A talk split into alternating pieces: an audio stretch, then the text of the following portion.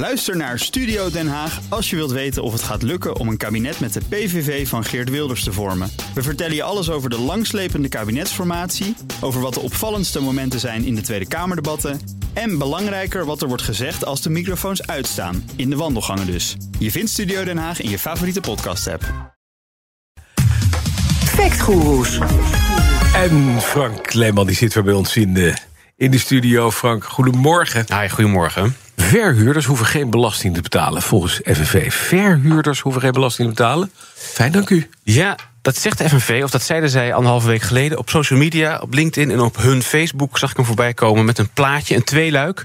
Op het bovenste plaatje zie je dan een grote versie van een bouwvakker-emoji. Dus zo'n poppetje met zo'n bouwhelm op. Ja. En dan het zweet van het harde werken. En dan staat er de tekst bij belasting op loon tot wel 50% Het onderste plaatje van twee luiken zie je dan een emoji van een huis.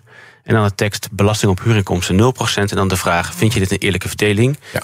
En los ik niet helemaal snap waarom je als vakbond deze vergelijking zou maken. Want ze hebben 900.000 leden.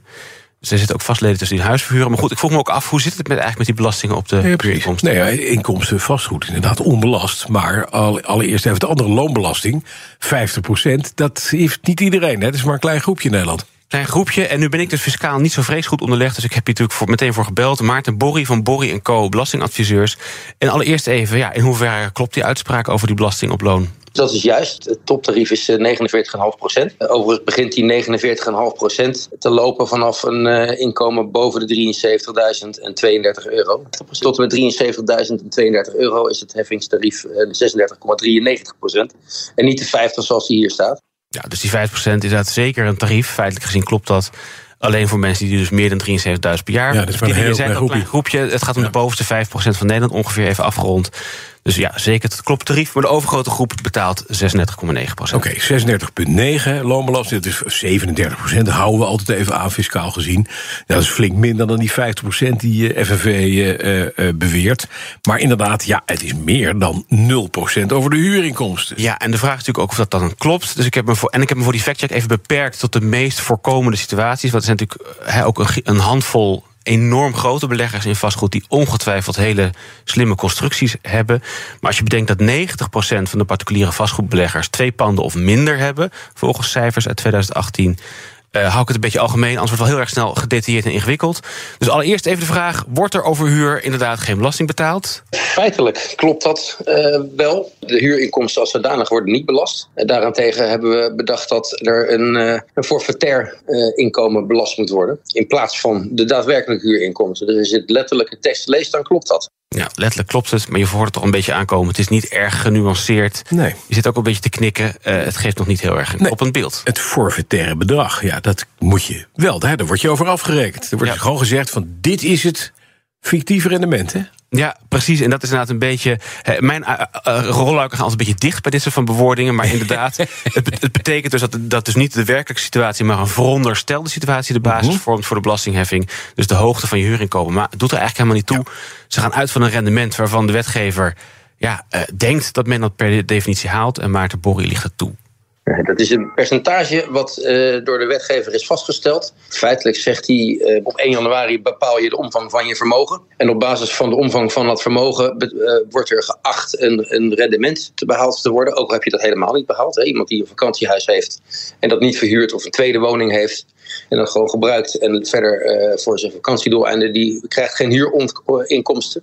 Maar moet wel belasting betalen alsof hij huurinkomsten heeft. Ja, het laatste zinnetje gaat dus eigenlijk om. Dus stel je hebt een tweede huis, je vuurt het niet. Dan gaat de Belastingdienst toch vanuit dat dat huis je rendement geeft. En, en betaalt over dat ja, denkbeeldige rendement. Precies. Betaal je belasting. Dat forfait, dat, dat fictieve rendement, hoe hoog is dat? Hoeveel rendement veronderstelt de Belastingdienst dat je gaat halen? Best een flink rendement. Hè, als je het hebt over onroerende zaken, eh, daar word je geacht in dit jaar 6,17% rendement op te halen. Ja, oké. Je krijgt dus inkomsten. Het kan ook in de vrije sector, maar ook in de, in de sociale sector zijn. Hè, dat je een huis verhuurt. Ja. Nou, dan haal je, daar haal je huurpenningen mee op. Dan word je geacht 6,17% rente mee te scoren. Dat krijg je bij geen bank. En je moet ook nog, als de verhuurder of de huurder iets eh, komt, van dubbel glas wil of eh, andere, andere dingen, of het slot van zijn wc-deur doet het niet, moet je er naartoe. Kost geld. Ja, en over die 6,17% moet je ook nog eens belasting betalen. Hoeveel ook alweer? 32% op dit moment. En uh, er is inderdaad heel veel discussie over. Daar kom ik zo nog even Ja. terug. Een gemiddeld huis in Nederland kostte in juli van dit jaar 412.000 euro. Dus als je dat als tweede huis hebt, dan gaat de Belastingdienst er dus van uit dat je 25.000 euro even afgerond per jaar Ja. rendement haalt Ja. uit dat huis. Succes. Dat is equivalent van een huurprijs van 2100 euro per maand. Nou ja, Hm. heel veel discussie kan je voeren over of mensen dat überhaupt halen. Daarover betaal je dus 32% belasting. En het klinkt of voelt daardoor misschien een beetje alsof je 32% over je huurinkomsten betaalt. Dat is feitelijk incorrect. Want die, ja, die hoogte van die in- huurinkomsten die doet er dus niet toe. Ja. Nou is dit gewoon het box 3 verhaal eigenlijk, hè Frank? Daar Precies, gaat het ja. om. Ook met die, met die fictieve vermogensberekening. Eh, maar er komt dus veel meer bij kijken. En het is niet een heel plat verhaal zoals de FNV zegt... van nou dit en dat, het is 50-50. Nee. Nee, het maakt het dus ook heel snel ingewikkeld. Ja, je, ze vergelijken daar ook inderdaad echt appels met peren. Ja. Eh, want in box 3 gaat om spaartegoeden, overige bezittingen en schulden. Je hebt ook nog heffingvrije vermogensstukje.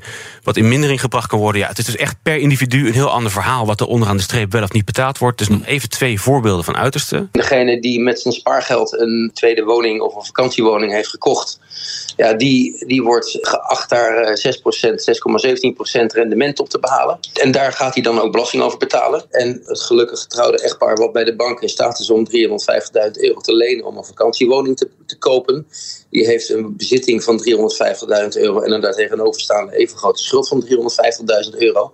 Daar is geen box 3 vermogen aanwezig en wordt er dus ook geen box 3 belasting betaald. Ja. Nou, nou, in het laatste geval, hè, ook als die laatste mensen zouden verhuren, dan hoeven ze dus inderdaad, ja, ja, inderdaad geen belasting over die huur, om het zo maar even te zeggen, te betalen. Dus dan klopt weer wel. Het FNV schreef.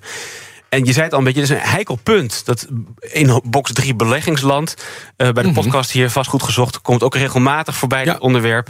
Ehm, dus ja, er wordt door een aantal beleggers ook geprocedeerd tegen de staat. Om te zeggen, ik betaal dus belasting over een rendement wat, er ik niet niet heb. is. Het is een beetje alsof je inkomstenbelasting betaalt over inkomsten die je ook niet hebt. Eh, dus ja, eh, het is in ieder geval een gevoelige snaar die. Nou nog, ja, en er wordt inderdaad nu ook gekeken naar dat fictieve rendement. Wat 4% was ooit, waar alle zaken bij de, tot bij de Hoge Raad speelden. Maar in ieder geval, FNV gebruikt dit dus nu eh, ten eigen vervuren... door te zeggen van, ja, maar die, die verhuurder... die verdient zich helemaal kleurenblind aan die arme werknemer... die de huur, als huurder dat geld moet betalen. Dus, Nou ja, en voordat ik, even voordat ik bij die conclusie Ja? kom. Oh, het- het- ja, dat is, ja. Ja, je houdt het zo goed op. Hè, maar Ja. de belasting heb ik het even heel oppervlakkig gehouden. Want Ja. je hebt natuurlijk nog grote vastgoedbeleggers... die de hele dag met de vastgoed Ja, bezig zijn. Kunnen het in box 1 hebben, dan betalen ze gewoon inkomstenbelasting over huurinkomens. Dan klopt het niet. Hm. En dat is dan 49 procent. Onroerend, goed kan ook zakelijk zijn. Ja. Dan betaal je ook gewoon belasting en ook nog eh, eh, eh, zakelijke belastingen. Nou ja, kortom, met die vereenvoudiging legt FNV een parallel tussen dingen die, ja, die qua feitjes op zich kloppen. Maar het hoort allemaal een hele Het is andere appels en peren, Het is ja. appels en peren. Het geeft een slecht beeld van de werkelijkheid. Want stellen dat eh, beleggers per definitie 0% betalen, is larikoek. ja, precies. Dag, FNV. En dankjewel, Frank Leeman. Bij BNR ben je altijd als eerste op de hoogte van het laatste nieuws. Luister dagelijks live via internet. Bas van Werven. En heel langzaam komt de zon op rond dit tijdstip. Je krijgt inzicht in de dag die komt op BNR, het Binnenhof in Nederland en de rest van de wereld. De Ochtendspits. Voor de beste start van je werkdag. Blijf scherp en mis niets.